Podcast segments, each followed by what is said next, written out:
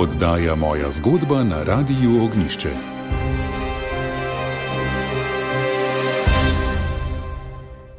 Drage poslušalke in dragi poslušalci, dober večer, z vami je oddaja moja zgodba.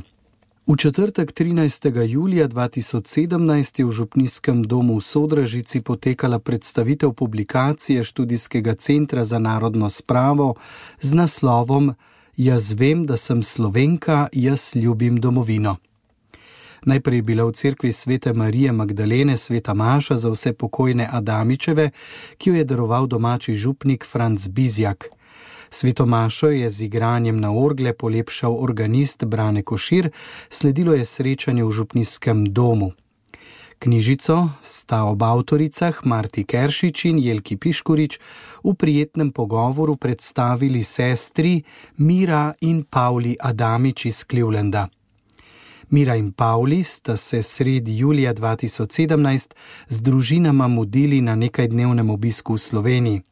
Na predstavitvi se je zbralo veliko število udeležencev, med njimi so odraški župan magistr Blaž Milavec, župnik Franz Bizjak, direktor Miklove hiše Marko Zupanc, številno sorodstvo Adamičevih in pa domačini sodražice in okolice. V kulturnem delu večera sta sodelovala Brane Košir na klavirju in hčerka Mateja, ki je z občuteno interpretacijo slovenskih pesmi obogatila vsebino srečanja. Po predstavitvi je sledilo družabno srečanje v prijateljskem pogovoru ob dobrotah domačih gospodin in gospodarjev. Za organizacijo večera je z veliko pozornostjo poskrbela Marija Češarek zdaj pa k knjigi Jaz vem, da sem slovenka, jaz ljubim domovino.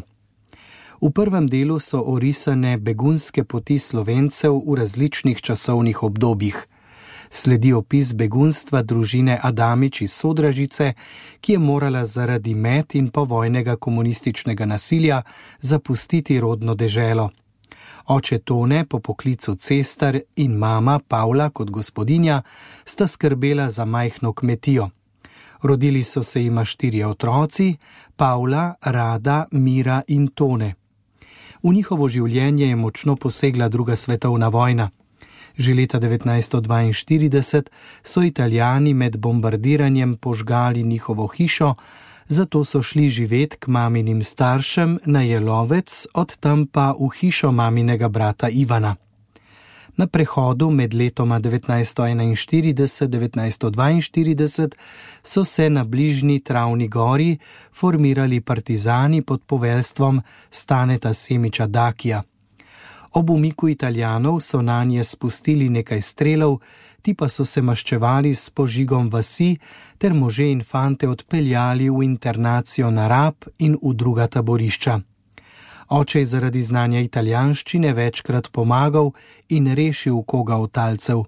To so mu zelo zamerili partizani, zato je bil na črni listi kot okupatorjev pomagač in sodelavec. Decembra 1943 je šel oče v Ljubljano, da bi dobil delo. Delal je na železnici, marca 1944 pa je bil mobiliziran strani Primorske narodne straže in odpeljan v trst na urjenje. Zaradi starosti in bolezni ni bil nikoli poslan v akcije. Junija 1944 je bil izpuščen in je odšel v ribnico, kjer je bil nastanjen do 4. maja 1945. Na to se je skupaj s civilisti umaknil proti Avstriji, misleč, da odhaja za krajši čas, a je odšel zavedno. V taborišču Špital je postavljal barake, delal je kot vrtnar in čevljar. 18. maja 1949 je kot begunec prispel v Ameriko. Najprej se je nastanil pri bratu, potem pa pri zakoncih Čampa in se zaposlil v tovarni, kjer je ostal do upokojitve. Mama in otroci, ki so ostali v domovini, so obdelovali dve kmetiji in živeli v hiši strica Ivana, ki se je leta 1947 vrnil z taborišča na Koroškem. Pomagali so mu v hlevu, po zimi pa so pletli. Življenje v revščini in brez očeta jih je utrdilo v boju za preživetje. Kljub temu, da so bili zasramovani, prikrajšani za hrano in druge potrebščine, drugorazredni in ožigosani kot sodelavci okupatorja, so se po svojih močeh borili za ohranitev dostojanstva. Doživeli so mnoga ponižanja in šikaniranja, a niso klonili pod težo komunističnega sistema. Po dolgih desetih letih ločenega življenja jim je končno uspelo, da so se srečali z očetom. Iz Sodražice so odšli 19. septembra 1955 z vlakom do Genove, na to pa naprej z ladjo Andreja Dorja. 30. septembra 1955 so prispeli v Ameriko. Kljub temu, da so se vklopili v nov svet, kjer je bilo potrebno veliko prilagajanja in odkrivanja drugačnega okolja, so bili srečni, ker so bili spet skupaj z očetom. Nova bolečina pa je nastopila s podržavljanjem njihove domačije v domovini, medtem ko so bili na poti v Ameriko. Oče je na urade v Jugoslaviji pošiljal številne pritožbe, vendar neuspešno. Leta 1967 se je s težkim srcem odločil za prodajo zemlje na podlagi sporazuma med Jugoslavijo in ZDA. Simbolno odškodnino je dobil samo trikrat potem pa je zmanjkalo finančnih sredstev in je odškodnina prenehala. Tako je družina Adamič ostala brez vsega. A življenje je šlo naprej. Pavla, Rada, Mira in Tone so se uživeli v slovensko skupnost, si poiskali življenjske sopotnike in si ustvarili družine. Danes svojim številnim otrokom, vnukom in pravnukom spoštljivo in z ljubeznijo govorijo o svoji rodni domovini in o težki poti, ki so jo morali prehoditi. Čeprav ostajajo razpeti med dvema domovinama, na otroke prenašajo zavest, da bodo vedeli, zakaj so morali njihovi starši zapustiti rodno Slovenijo.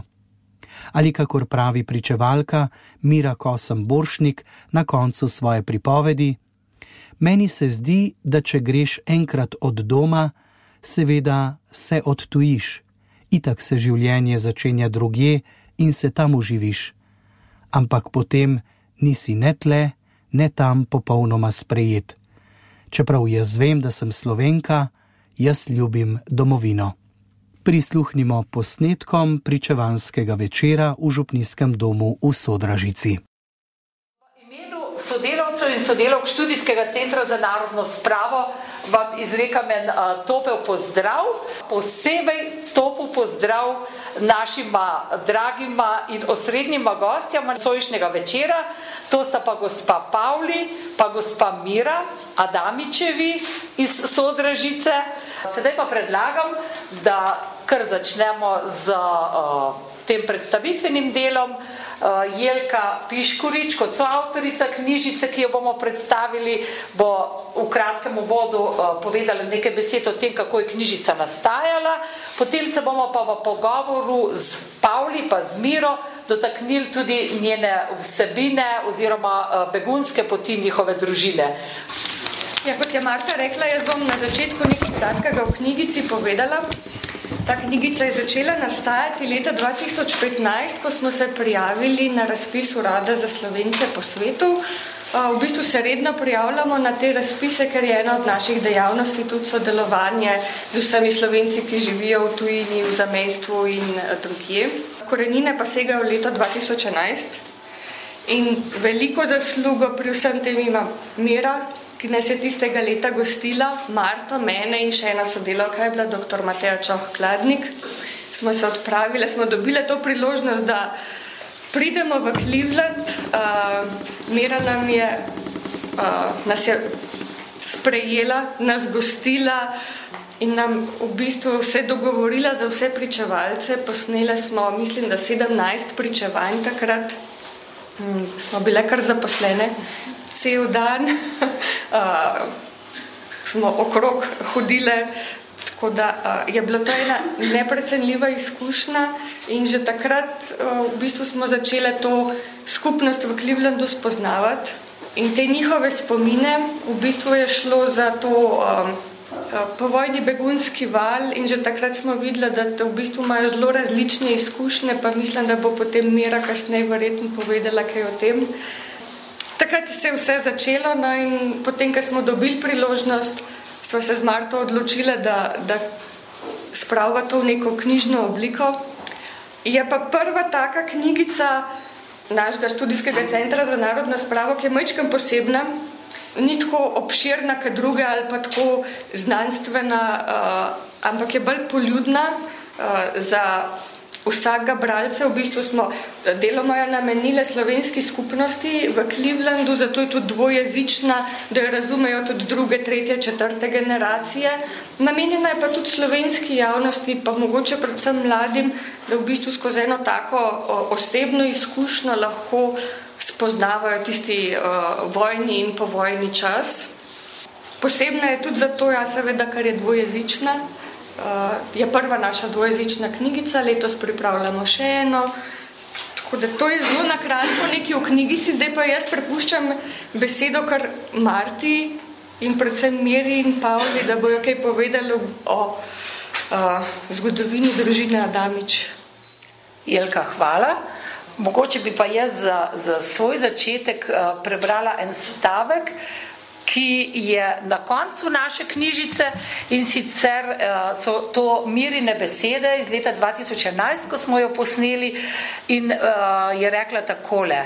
Meni se zdi, da če greš enkrat od doma, seveda se odtujiš. Itak se življenje začenja drugje in se tam uživiš ampak nisi ne tle, ne tam popolnoma sprejet. Čeprav jaz vem, da sem slovenka, jaz ljubim domovino.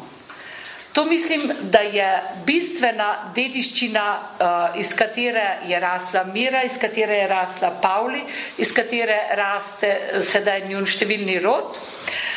Korenine njune dediščine pa segajo precej daleč nazaj.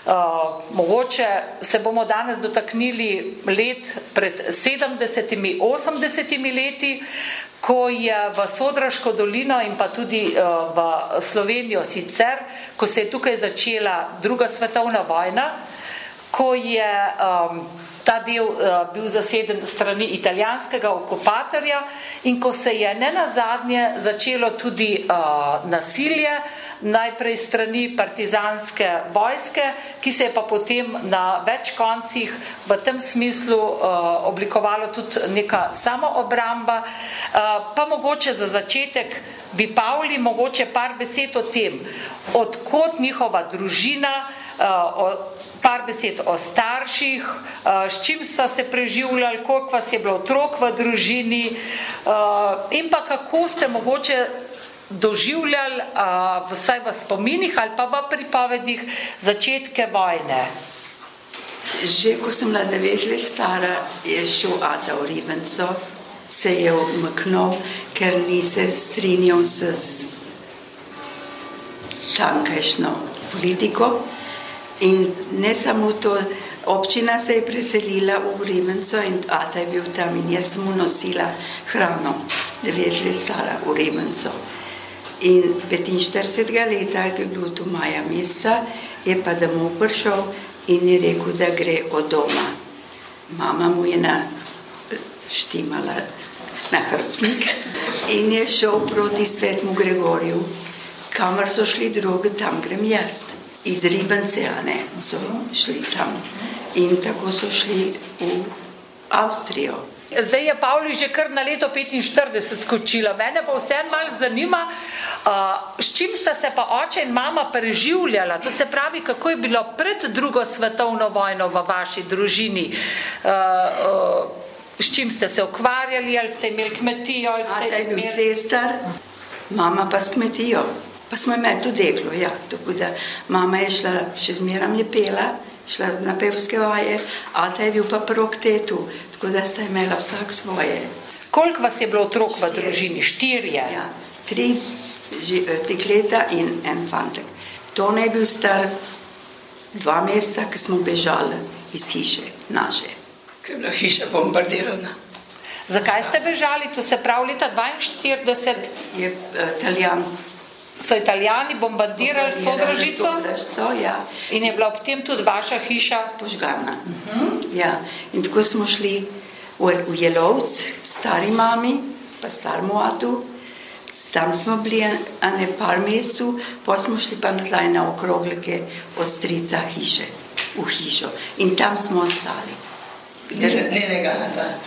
Ja, njenega ata. V vojnem času ste potem tam živeli. Tam živeli, ja, skozi. Uh, Ata je pa odšel v Ljubljano No, ja, leta 43, 43 za čas, ja.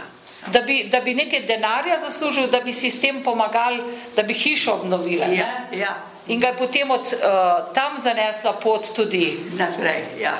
v Trst in pa potem zopet počasi nazaj. a ne?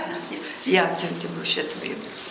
V tem času je imela tudi Mira eno posebno uh, izkušnjo.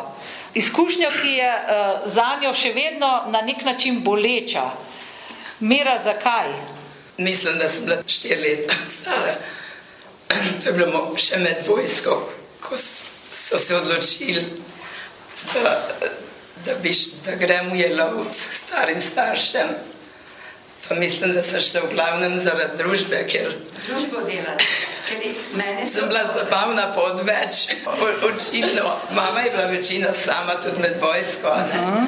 In Pavli je bila pomočnica, pa je bila še ena sestra, ki je sedaj pokojna. In jaz pa nisem bila ne za tle, ne za tam. In ta- in je bilo čisto lepo v jelovcu. Zelo sem jih rada imela, ni mene, ampak potem je prišel slučaj, da so me poslali na počitnice domov. Mam, ja. Potem pa nisem hotela nazaj, je tu je lovc, ker je bilo preveč luštno doma. Spoznala sem družinsko življenje ne? in še bolj boleče je pa pravzaprav to, da sem se popolnoma odtujila od mame. Od, v resnici nisem čutila, da imam sestre, da imam mamo. Ko zdaj premišljujem, kako se je mogla mama počutiti, ko sem kot tujka hodila mimo. To mene boli. Sem rekla, nikdar svojega otroka ne dam. To me je zaznamo, zaznamovalo. Domov si se vrnila šele po, uh, po, po vojni, je tako? Okrog Božiča, Ja. mislim, da 48 leta. Ja. Takrat je bil rojen Fran, Franci Mihelič, ki je tle nekje. To se pravi, ko pa se je končala druga svetovna vojna, uh, Pavli je že malo omenila, kaj se je takrat zgodilo z očetom. Uh, oče se je odpravil z ostalimi na begunsko pot in je šel proti Avstriji, proti Koroški v Vetrin. Vitrine, iz vitrin so šli pa v Špital. špital na drvo, ali kako se reče. Ja. Tako je, ja. Tam je bil štiri leta, dobra štiri leta. Dvakrat na teden smo dobili pošto na razglednicah. Zelo drobno. Do Lisnice. Ja, zelo drobno je pisal. V tistih časih eh, so bili, je bila vsa pošta pregledovana, seveda, sploh kar je prihajalo iz uh, taborišča vetrinskega, uh, tako da je oče izkoristil prav to priliko, da je zelo nadrobno pisal in s tem uh, uh, ves prostor, ki mu je bil namenjen, maksimalno izkoristil, da ste nekako uh, uh, spremljali, kaj se z njim dogaja. S čim pa se je ukvarjal takrat, da se je preživljal? Pravzaprav ne vemo, čularstvo, ja, nam je čevlje pošiljal, pač zmeraj je kaj poslal. Kolesa nam je poslal, Čevlje nam je poslal. Če- čevlje zmeraj, čeprav so, niso bile morbet prav, pa nam je poslal. Ja, je sam naredil. ja. Oče se je potem leta 1949 odpravil v uh, Ameriko, tam je imel brata in se je za nekaj časa pri njem nastanil, potem kasneje je šel pa k zakoncema Čampa, ki sta pa tudi izhajala iz uh, sodražice. Ne? A, t- tamla je bila hiša pri Oberstarjevih čez cesto, ob, ko se gre na Strmco. Je bila od Čampovi. Ja. Uh -huh, uh -huh, uh -huh. In si je poiskal delo. In, uh, uh, tako da je, da je lahko preživljal sebe in hkrati tudi vam pošiljal ja. stvari, da ste nekako lažje, lažje preživljali. Uh, kako pa ste po vojna leta doživljali tukaj? To se pravi sami štirje mladoletni otroci z mamo, ki je bila stara takrat uh, približno 30 let. Uh, verjetno ne v prav prijetnem položaju. Ja. Uh, oče je bil že med vojno označen za sodelavca, okupatorja. Uh, on je obvladal italijansko, zato ker je uh, prej z, z svojim očetom, ja. ja. Na Tersati je hodil v šolo, uh -huh. gimnazijo. Razu je na Primorska. In, in je znal italijansko in je potem večkrat posredoval za, za katerega od domačinov pri italijanih, da ni bil interniran ali uh, kako drugače. Uh, enkrat so hodili odgnat, so imeli tri kamione polne. Uh -huh. in, je, ta, ja, in ja, ta prsprosil, da so samo en kamion odpeljali, druge so odpustili. Tisto je rekel, hvala Bogu, nekaj sem pa naredil z mojim jezikom. Njemu se je pa to v slabo štelo in predvsem ja. tudi vsem vam, ja. njegovi družini, ja. ki je po vojni ostala tukaj sama. A se spomnite kakšnih posebnih dogodkov, ja. uh, kako, ja. kako sta bile prikrajšane? Mama me je zbudila v petek zjutraj, da ne grem v vrsto, ali ne bo za sladkor, ali za blago, ali you know, kaj, kaj. Sem šla v vrsto, če ga vas pa ti, Adamičeva temne pata pošle. To se je zgodilo trikrat. Neška, poznate Neško Štrajcerjevo, ona je no me poznala, da mi je enkrat rekla, Pavli, kar tam na pet, pa, pa mehno počak me, pa mi je dala. Ona se je pognala za, za me. Pol pa enkrat se je pa mesar pognal za me, tiskar sem pa jokala. I, uh, Jože, uh, Ako, je pa tam stal, no, izmeram oznamec stal zraven. Je pa že pred, pred me je vprašal, tisto punčko pa kar nam je pust. Pa, me, pa je pustil in sem dobila. Jaz sem začela jokati. Ja.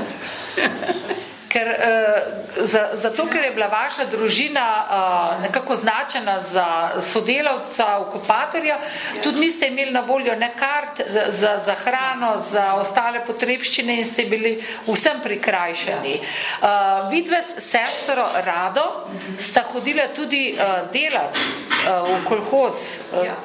Ona je vendar en let.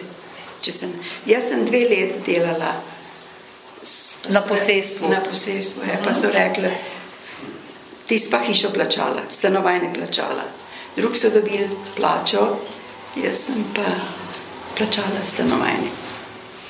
Kasneje se je pa za vas zauzela teta iz Zagreba? Ja, je pa videla, da sem delala, je pa rekla, o, no, Damičeva pa že ne bo delala tako vas je v Zagreb sprejela, da ste potem tam obiskovali šolo za šivilje ja. in tudi uh, delali, ja. potem se učili. Zjutraj delati, popolnil šolo. Kaj pa spomini recimo uh, na mamo oziroma ali je tudi mama doživljala kakšna uh, zbadanja, kakšna, um, kakšne stvari neprijetne? Pravzaprav, ko smo bili tle, smo mislili, da je to normalno, ampak pol začneš premišljati, ne, uh -huh. kaj se je godilo. To se naprimer spomnim, ko sem bila na učiteljišču eno leto, nismo smela iti v cerku, pa nismo za veliko noč smeli domov. Smo šli naslednjo nedeljo in je takrat mama, pa še od prijateljice mama, uredila z župnikom da smo šle, smo šle s prijateljico ob štirih zjutraj spovedi, da smo upravili je veliko nočno ja. dožnost. Ja. Ko sem pol premišljala, sem rekla, a, a je to kristijansko? Mislim, da vemo, da ni kristijansko, ampak ja. ko doživljaš to, misliš, da je normalno. Ja. Ampak, naprimer, pol sem mogla hoditi v uh, gimnazijo, ne, za dve leti in pol sem zagotovila uh, višjo gimnazijo. In uh, sem prvič pri uh, sestrah študirala, ker je bilo čist neki uh, drugega in uh, jezika nisem znala, sem se slovarjem na kolenah izdelovala teste, pa, pa so bile čisto videvne, mislim. Sem rekla, to je pa neverjetno, da, da tako na roko gredo. To so bile demokratične razmere takrat yeah. z, z, v Ameriki, pri nas je bilo pa precej drugače. Uh, tudi mama takrat uh, uh, so jo šli večkrat klicati, da naj gre na volitve, kljub samo, da ni dobila volivnega listka. Trikrat je šla. Je šla od Maše voliti, ni bilo volivnega listka, pa je šla domov, pa je prišel kurir niste volili, morate iti volt. Pa sem bila tam. Ja, pa morate iti. Pa je šla. Pa spet ni bilo listka volivnega. Trikrat je šla voliti. Izzivanje. Izzivanje.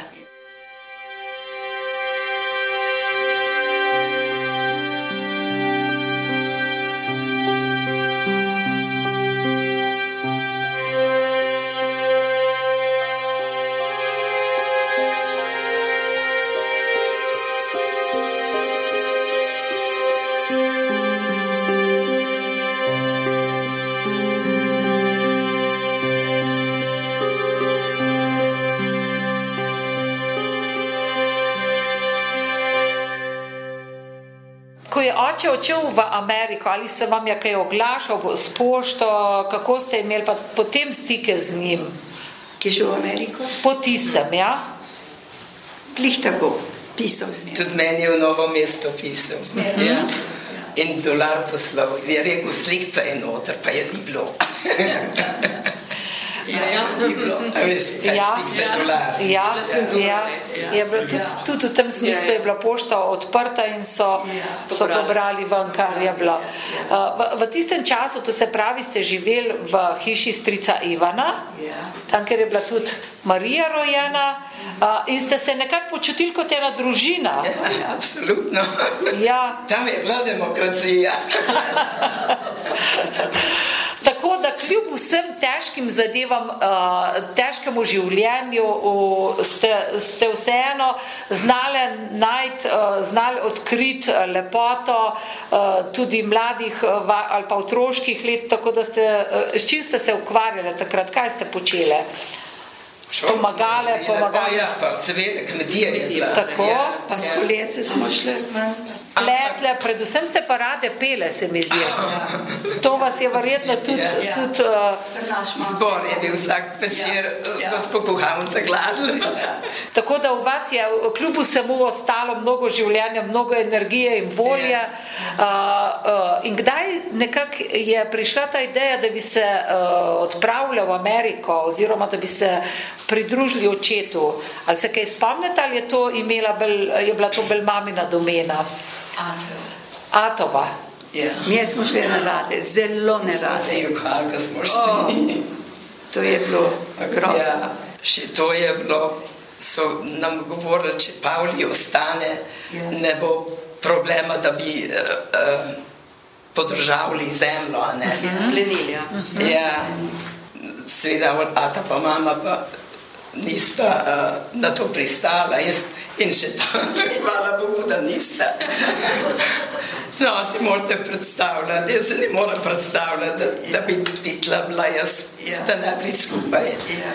Ja. In še, ko smo šli v Ameriko, mene so poslali kočevi, kako narediti za domačijo.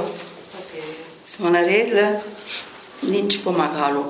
Ko smo prišli v Ameriko, je že čakalo pismo, da je vse zaplenjeno. Ja, ko boš pol mislil za domov? In je bilo prepozno, da apeliraš. Za pritožbe. Ja. Ja. To se pravi, vi ste želeli stricu prepisati, takrat pa je ja. v tem že ja. prišla odločba o zaplembi in ste tako ostali brez, brez možnosti in pritožbe in brez pravic eh, do, do svojega imetja. Ja. Ja. Ko ste prišli v Ameriko, to se pravi, ste po desetih letih prvič zagledali očeta. Ja, jaz sem ga poznala, drug nobel, druga nobela. Ga je poznala. Samo vi ste se ga že odprej? Jaz sem se ga dobro spomnila. Ste se ga? Ja. kakšno je bilo to prvo srečanje, kakšni so bili občutki po tolikih letih uh, srečati očeta? Prvo srečanje je bilo v redu, a ne, zdaj smo, zdaj smo skupaj, ampak ja. tam pa pridejo problemi, tam mladina, ne, on pa deset let sam uh -huh. in že je tak starejši, on je, a ta je bil 14 let starejši od mame. To, da je težko v začetku prenašal, potem smo se prvadili. Jaz smo se pa, smo se kaj cukali ali veseli, a ne kot kot razigrajeta tako. Ja. In ne, včasih to ni bilo. Oče ni bil navajen eh, družinskega življenja, ni bil navajen živahnosti svojih otrok in je na nek način kar težko sprejemal. Tudi ko, ko ste se odločali za, za ples, Pavli, kako o, ja. je bilo? O ja, ta prvo sem mogla reči za enem starejšem. Je bil kar precej starejši. Ja, ja, ja. Pa bil tako vesel, zato je bil njihov prijatelj, njegov prijatelj. Če mu pa kaj ni bilo po volji, je pa rekel, da so vas komunisti čist pokvarili. To je bil uh, mogoče kar pogost uh, problem družin, ki so se srečevale po dolgih letih. To se pravi na nek način generacijski zamik, na drug način dejansko uh, te, ta, ti družinski člani so živeli v popolnoma drugem okolju, kako recimo očetje, ki so se uh, potem šli v, v, v Ameriko ali pa nekateri v Argentino in je verjetno bilo kar precej problemov, da so se nekako prvali drug na drugega in da sprejeli, eh, sprejeli ta, ta način življenja. Še pa nas je bilo najboljše. Ja, nekateri se nikdar niso. Se niso ja. več, uh, ja. Ja, ja. Ali pa so otrokom in oče je imel denar od otrok, ki so delali. Ali pa. Diktatori nekateri so. Ker našata tega ni delal kar smo zaslužili, je bilo naše. Mama je šla potem tudi v službo čez nekaj časa? Čez nekaj par let, ne pred. Uh -huh. ja. E, vidve z rado sta se zaposlili, prav k malu, Mira je pa šolo nadaljevala. Ne? Mogla, si, ja, z, ker, zakaj? Um, ne. Ker sta dve bile že zaposleni. So rekli, tri v, hi, v ena hiša delati za dost. Ker, sem, hmm. bila, uh, ker tam normalno gre za do 18 ja. let. Jaz sem bila 16 let, ko smo prišli uh mhm. -huh. in tam uh, do 18 leta je normalno, da, da izvršiš uh, gimnazijo, kliš gimnazijo. Uh -huh. In uh, jaz sem začela drug semester v uh, drugem letniku, gor, brez da bi znala eno besedo, Mr. pa Mrs. sem znal. Uh, tudi najmlajši Tone je še šolo nadaljeval, a ne? Ja. Uh, in potem... Uh, Jaz mogel tudi gimnazijo, uh -huh. ampak pa ne bom več težav. Uh -huh. Od zmeri imam uh -huh. težko, ja. In potem ste si počasi poiskale fante, si ustvarile družine, Vse ste poročene s slovenci. Ja. Kje, pa ste, kje pa ste dobile te fante? Pri slovenskih društvih. Aha. Pri spolu. Uh -huh.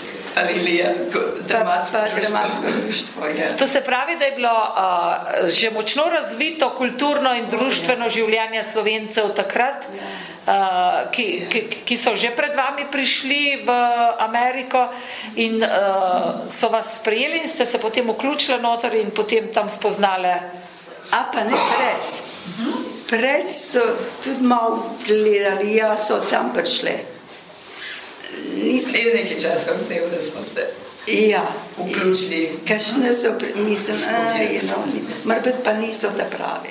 Ja, to se pravi, da je nekako tisti begunci, ki so bili, vi ste rekli v lagerih, oziroma ja, se je reklo ja, v lagerih, ja. tisti so se uh, mogoče šteli za, za večje žrtve na nek način, oziroma so vas uh, obravnavali mogoče kot tiste, ki ste že okuženi s komunizmom, uh, ki ste uh, mogoče šli s lažjo pot, da ste prišli do tja. Tako da je bilo tudi tukaj potrebno nekaj let usklajevanja in uh, bom rekla informiranja drug drugega. Mhm. Kaj smo mi skozi mhm. dal, uh -huh. oni so samo, no, oni so svoje skozi dal, mi pa svoje. Uh -huh. Ampak tudi najna moža, na prvi na drugi, pol, oba sta pol spoznala, ko smo, ko smo bili več časa poročeni. To se pravi, ona dva sta bila oba potomca tistih. Oni so imeli zavetje v skupnosti, v lagarjih. Uh -huh. Mi smo pa v naši družini imeli zavetje. Uh -huh. Domači, dom, domači je lovc, Bogdanova mama. Ja. To, to, je bilo, to je bil naš svet, uh -huh. naš, naše zavetje. In ste se na nek način prav kmalo potem uživeli tudi v ta način življenja, uh, domotožje pa verjetno oh, jaz, bilo prisotno. Ja. Uh, naprimer, zadnja maša tukaj, kdor sem tukaj, so se ovze imeli, oboko hrani mojo Slovenijo. Oče se ni več vrnil.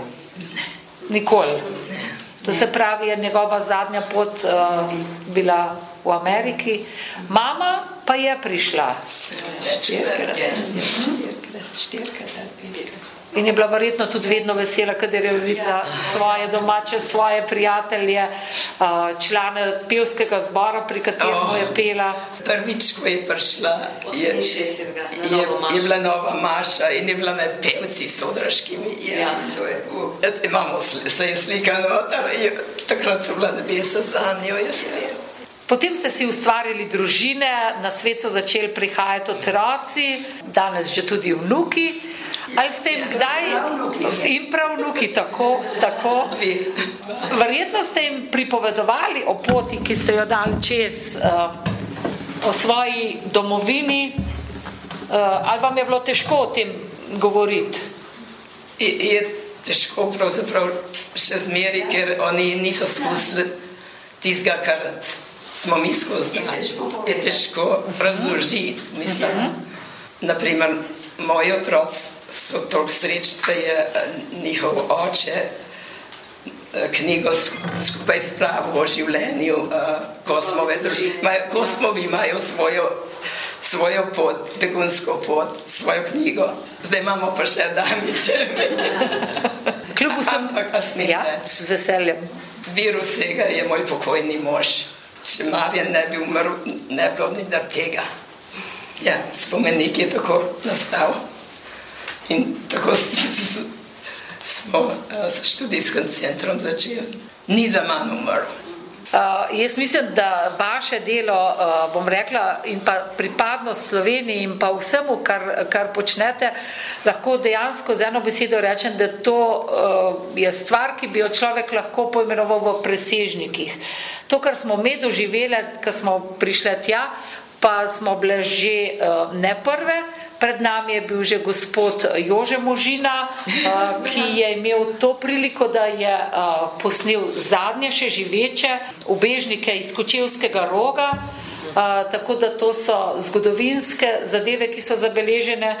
Tudi to, kar je uspelo pričevan zbrati nam, lahko rečemo, da smo izredno hvaležni, ker uh, stvari iz dneva v dan odhajajo v pozabo. Že od takrat, ko smo bile mi pri vas, je mnogo ljudi umrlo uh, in uh, dejansko prav preko zgodb vseh teh, ki so doživeli na lastni koži vso to kalvarijo, vso to begunstvo, uh, nekako lažje predstavljamo tako mlajši generaciji, tudi kasneje mogoče eh, material za raziskovalce, ki se bodo ukvarjali za zgodovino, kaj vse so morale te družine pretrpeti.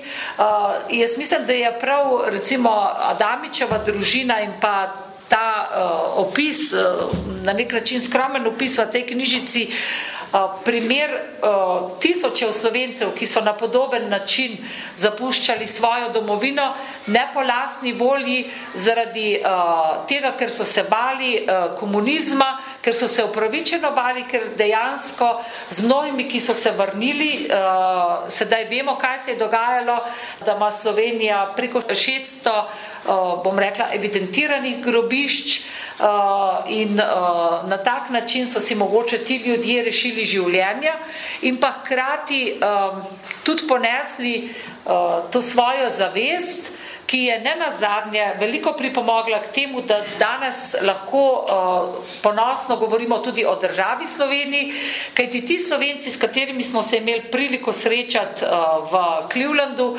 lahko rečem, da z veliko ponižnostjo in spoštovanjem spremljajo vse, kar se dogaja v domovini Sloveniji, z velikimi prizadevanji uh, med vplivnimi ljudmi, kjer imajo moč, uh, prenašajo to, to idejo, to uh, misel o, drž o državi Sloveniji in uh, je, smo jim lahko res globoko hvaležni in ne nazadnje mislim, da je bila to tudi neka božja volja uh, in tudi to seme ni padlo uh, v neplodna tla, ampak je rodilo sadove, uh, za kar smo jim lahko iskreno hvaležni.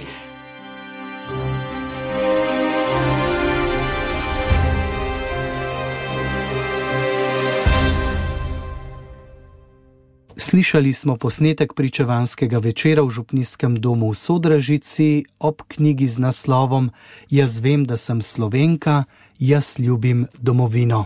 Knjižico je mogoče naročiti na študijskem centru za narodno spravo, naslov je Tivolska 42 tisoč Ljubljana ali po telefonu nič 1 230 67 nič nič. Oddajo je pripravila Marta Keršič, študijskega centra za narodno spravo. Uredil sem jo Jože Bartol, tehnična izvedba Boštjan Smole.